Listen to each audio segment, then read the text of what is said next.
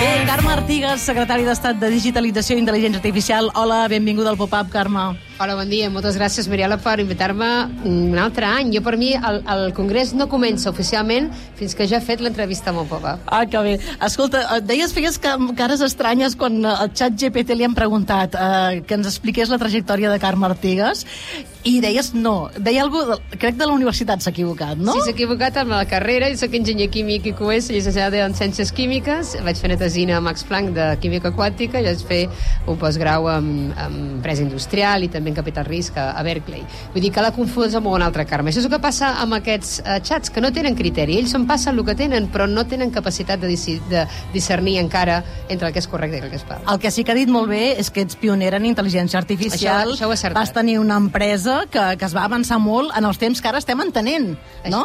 Crec que cada any, quan em, em fas la visita al Mobile World Congress, diem esclatarà un moment o altre això de la intel·ligència artificial. Jo crec que ja ha esclatat. Ja ha esclatat. Eh, anava a dir, quan nosaltres vam crear la Secretaria d'Estat de digitalització a intel·ligència artificial al 2020, t'asseguro que aquest país, eh, part de quatre friquis, ningú parlava d'intel·ligència artificial. I justament aquest any passat la Real Acadèmia de la Llengua ha decidit que la paraula de l'any era intel·ligència artificial. Això vol dir que ja està, diríem, democratitzat, tothom més o menys sap o intueix el que pot ser, i ChatGPT el que ha fet és explicar-li a la gent que això per què servia i que realment això eh, està accessible per tothom. Clar, és una manera que va bé els que hi enteneu molt i els que fem divulgació per explicar per què serveix i què pot, eh, fins on pot arribar la intel·ligència artificial, però tampoc ens podem agafar amb un dogma tot el que diu aquesta màquina, com deies, perquè hi ha moltes imperfeccions encara, no?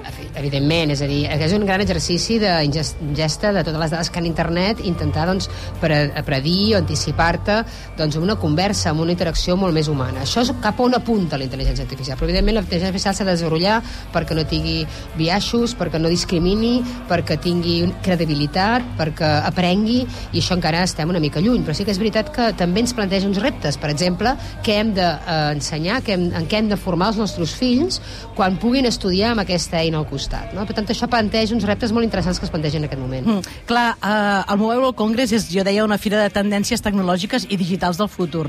Jo crec que ja anem més enllà del mòbil. Jo, eh, algunes vegades amb gent que, que, que he entrevistat em diuen que, al fons, el mòbil acabarà desapareixent de les nostres vides. No sé si tu també ho penses, això.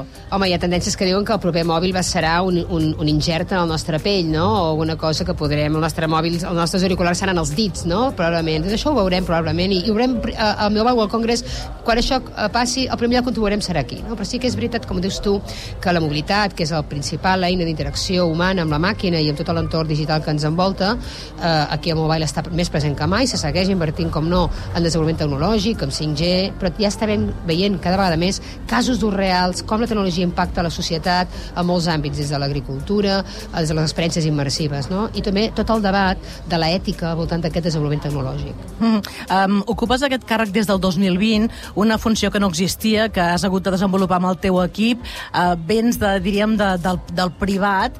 Um, quins reptes té encara l'administració? Quin balanç en faries d'aquests tres anys? I hi ha alguna cosa que realment t'ha costat no? d'introduir? Perquè sí que és veritat que eh, amb algunes coses el sector privat és bastant més àgil no? que el públic. Bastant més, excepte algunes grans empreses que són igual de lentes que l'administració. Però el que vinc a dir-te és que tots els canvis, tota el, el, la gestió del canvi sempre és complicada. El ser humà tendeix a no canviar. I només canvies quan passen dues coses. Una, quan no hi ha més remei, o quan, diríem, el, el, la incomoditat del canvi és menor que la incomoditat de quedar-se igual, no?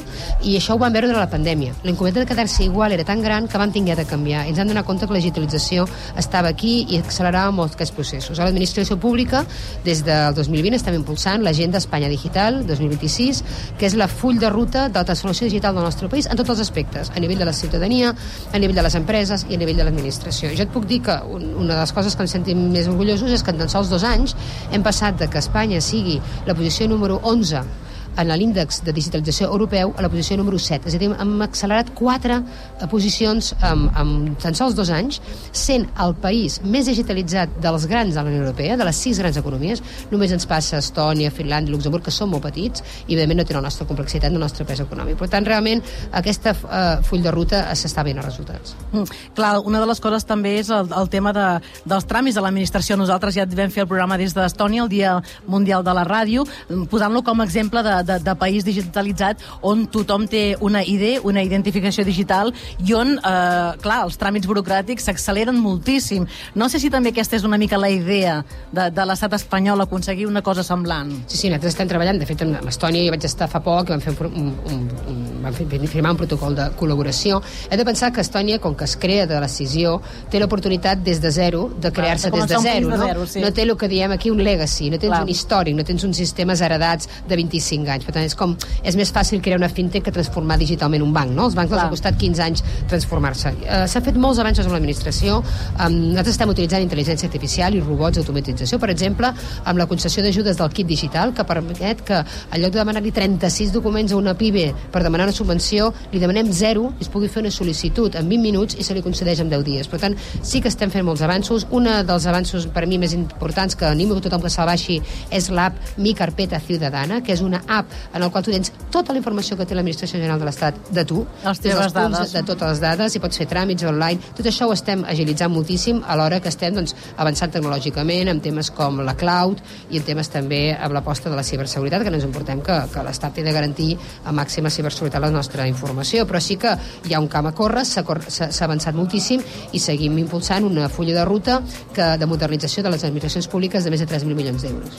Doncs va, anem caminant cap a aquesta simplificació de l'administració. Va, obrim el meló de les dones. Ets una de les 100 dones influents. Vas participar en un acte on es vau reunir totes no fa massa dies i avui a les 3 de la tarda destacaves la, la cita Dones emprenedores reptes 2023. Um, els que fa molts anys que venim al Mobile World Congress, al principi, o sigui, les dones érem hostesses, o sigui que fins i tot no, no érem a cap empresa. Um, ara, eh, per exemple, al Pop-Up, aquests tres dies hem fet una aposta i hem intentat portar aquí al programa eh, dones potents, Teresa Jamà, Gina Tost, um, l'Anna Schlegel, o sigui, dones de tecnologia eh, que lideren no? la secretària d'Estat en, en aquest cas. Um, però ets optimista? Hi han més dones que abans en tecnologia? Hi ha més que abans, però hi ha molt camí córrer, encara córrer, no? Començant de que encara falta moltes més vocacions tecnològiques des de les etapes primerenques, a primària i secundària, allà perdem les noies, i això requereix referents femenins, també requereix una altra manera d'enfocar l'educació, la diferència entre ciències i lletres ja és artificial, totes les professions requeriran conèixer tecnologia, dades o com menys saber-les interpretar. Després ens falten, com dic jo, referents femenins que siguin feliços. Saps què passa, Mariola?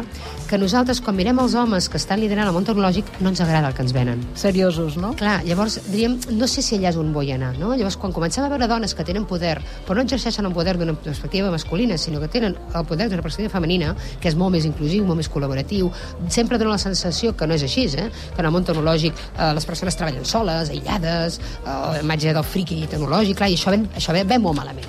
I a les dones això no ens agrada. Diríem que som una mica més intel·ligents i diuen aquest, aquest, aquest producte no el compro. No? Llavors, si volem que comprin el producte, perquè és importantíssim que les dones, eh, diríem, participem de manera activa en el disseny d'un món que encara està per definir i en el qual no podem prescindir del 50% del talent mundial, hem de ser, eh, fer aquestes carreres atractives, explicar-los les finalitats i com s'impacta, però també que l'equilibri, la conciliació i el model de vida o els estàndards que ens projecten aquells o aquelles líders siguin estàndards amables i la, i la gent s'hi vulgui veure reflexada, que són estàndards de És que felicitat. fins i tot a a les startups o emprenedoria el percentatge també és bastant baix, no?, de dones que, que, que, que lideren projectes, quan sembla que, que també hi hauria aquesta oportunitat de dir, mira, doncs ja m'ho faig jo mateixa, no? Estem canviant i en positiu. Fixa't que en aquests darrers dos anys que et deia de- d'avanç digital al país hem reduït molt el gap ja entre competències digitals masculines i femenines i només és de 3 punts, un 66% d'homes i un 63% de dones, habilitats bàsiques. Per tant, això ja és molt important. No és un problema de coneixement, no és un problema d'accés. Uh, en canvi, a l'hora d'empre- només hi ha un 19% de les empreses de tecnològiques i digitals que estan impulsades per dones i que accedeixen a molt poc finançament. Ja l'any passat vam explicar el programa Emprendedores Digitales que estem fent a Menissa, que ja amb aquest any, des que ens vam veure avui, ja hem impulsat, ja hem finançat directament més de 190 projectes liderats per dones. Aquest és el camí, no hi ha cap raó perquè les dones no puguin estar presents al món tecnològic ni molt menys. Bé, eh, ho hem parlat també altres vegades, tu vens del sector privat i des d'una startup que va ser molt pionera amb l'IA. L'altre dia reconeixies que a Europa falta unir les empreses, no? Dius que hi ha talent i innovació, però tothom va a la seva. Eh, eh, què planteges? Unir esforços també en l'esfera privada? És l'única manera d'estar al nivell, per exemple, dels models com la Xina i els Estats Units? Creus que falta una Unió Europea de, d'empreses de, que estiguem més unides? El que falta és un mercat digital únic, no? I que l'excessiva fragmentació regulatòria que hi ha en cada país fa molt difícil a les empreses europees competir, perquè si hi ha una llei a França, una altra a Itàlia, una altra a Espanya i una altra a Finlàndia, és molt complicat que s'adapti. Per això també la tendència normativa a nivell europeu és anar cap a regulació, regulació que aplica eh, de cop a tot arreu. Una, per exemple, darrerament, doncs, la Digital Services Act, la Digital Market Act i el futur reglament de la intel·ligència artificial. D'altra banda, tenim aquest, aquesta conjuntura. No? La, la gran diversitat cultural d'Europa fa que siguem molt bons en investigació. De fet, tots els grans líders d'investigació ens els fitxen des d'Àsia ens els fitxen des d'Estats de, des de Units, perquè aquesta diversitat cultural, ho veiem a Espanya també, amb la nostra eh, pluralitat i les llengües cooficials, fan que hi hagi moltes més intel·ligències i molta més diversitat d'aspectes. Hem de ser capaços de fer compatible tot això, la gran avantatge diferencial de, de la cultura, amb una economia de dades i una economia digital que només és rentable si s'estandarditza, perquè es va per economies d'escala. Aquest és el gran repte, competir Europa des de la diversitat, sabent que estem en un món que només és rentable si són economies d'escala.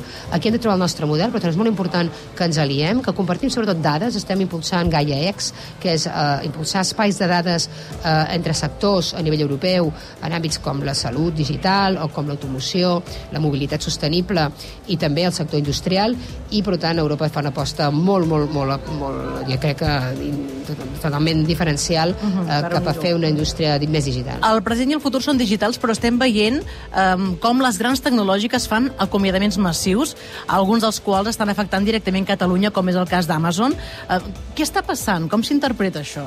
Amb una sobreinflada del, del model en el seu moment, és a dir, pensa que moltes d'aquestes empreses són als Estats Units, als Estats Units el, el nivell del el diner era molt barat, llavors van, diríem, després de la pandèmia van projectar uns creixements potser desorbitats, amb una situació financera que era més barat el diner que mai, i per tant podies contratar, contratar, contratar, contratar, fent centres d'I+D per apostar a tot arreu. Ara s'han donat compte de que quan una mica s'ha punxat una mica el globus, no? i que, per exemple, el món de les fintech ha corregit les seves valoracions, el món de les NFTs, has de tornar una mica a veure què és important i què és secundari. I el que estan fent és alineant les seves inversions i la, la recerca amb àrees molt concrets. També l'emergència de xat GPT ha fet que moltes empreses hagin reorientat les seves estratègies en compte que sortia un altre competidor o una altra manera de fer les coses. Això és normal a la indústria i a mi realment no em sap gens greu tot això, perquè també aquestes empreses tecnològiques, a l'oportunitat que tenien, han, sigut, han, diríem, han actuat com forats negres del talent. Tots s'ho portaven elles. Tu ets una empresa de qualsevol altre sector, era molt difícil competir per poder fitxar aquest talent. Per tant, que ara aquestes empreses estiguin centrifugant el talent altres indústries és positiu, perquè aquesta gent no els faltarà feina, perquè són els perfils més demandats, i que poden aportar el que han après en aquestes grans multinacionals altres sectors perquè també elevin les capacitats mm, més, més diversitat i no que el pastís se'l quedin tres, no? Clar, a nivell digital, com veus la relació Espanya-Catalunya? Uh, apuntaves, crec, en la, a la presentació l'any d'ahir del Mobile, que deies que uh, els fons New Generations estan... Uh, de, crec que la zona d'Espanya de, on s'han licitat més és Catalunya, no? Com estan aquestes relacions? La relació és excel·lent. Evidentment, el pla de recuperació és un pla a escala nacional que té una cogovernança amb les comunitats autònomes i Catalunya té un paper predominant per el seu ecosistema d'innovació i tecnologia i eh, ja ha rebut directament 3.039 milions d'euros dels fons de recuperació de transferències directes a, a la Generalitat, però a part, eh, moltes de les empreses beneficiades dels grans programes estan a Catalunya. Per exemple, el, pla, el programa Quantum Spain, que permet desenvolupar a Espanya doncs, dos ordinadors quàntics, ja hem transferit 22 milions eh, governats pel Barcelona Supercomputer, però també per la xarxa espanyola de supercomputació.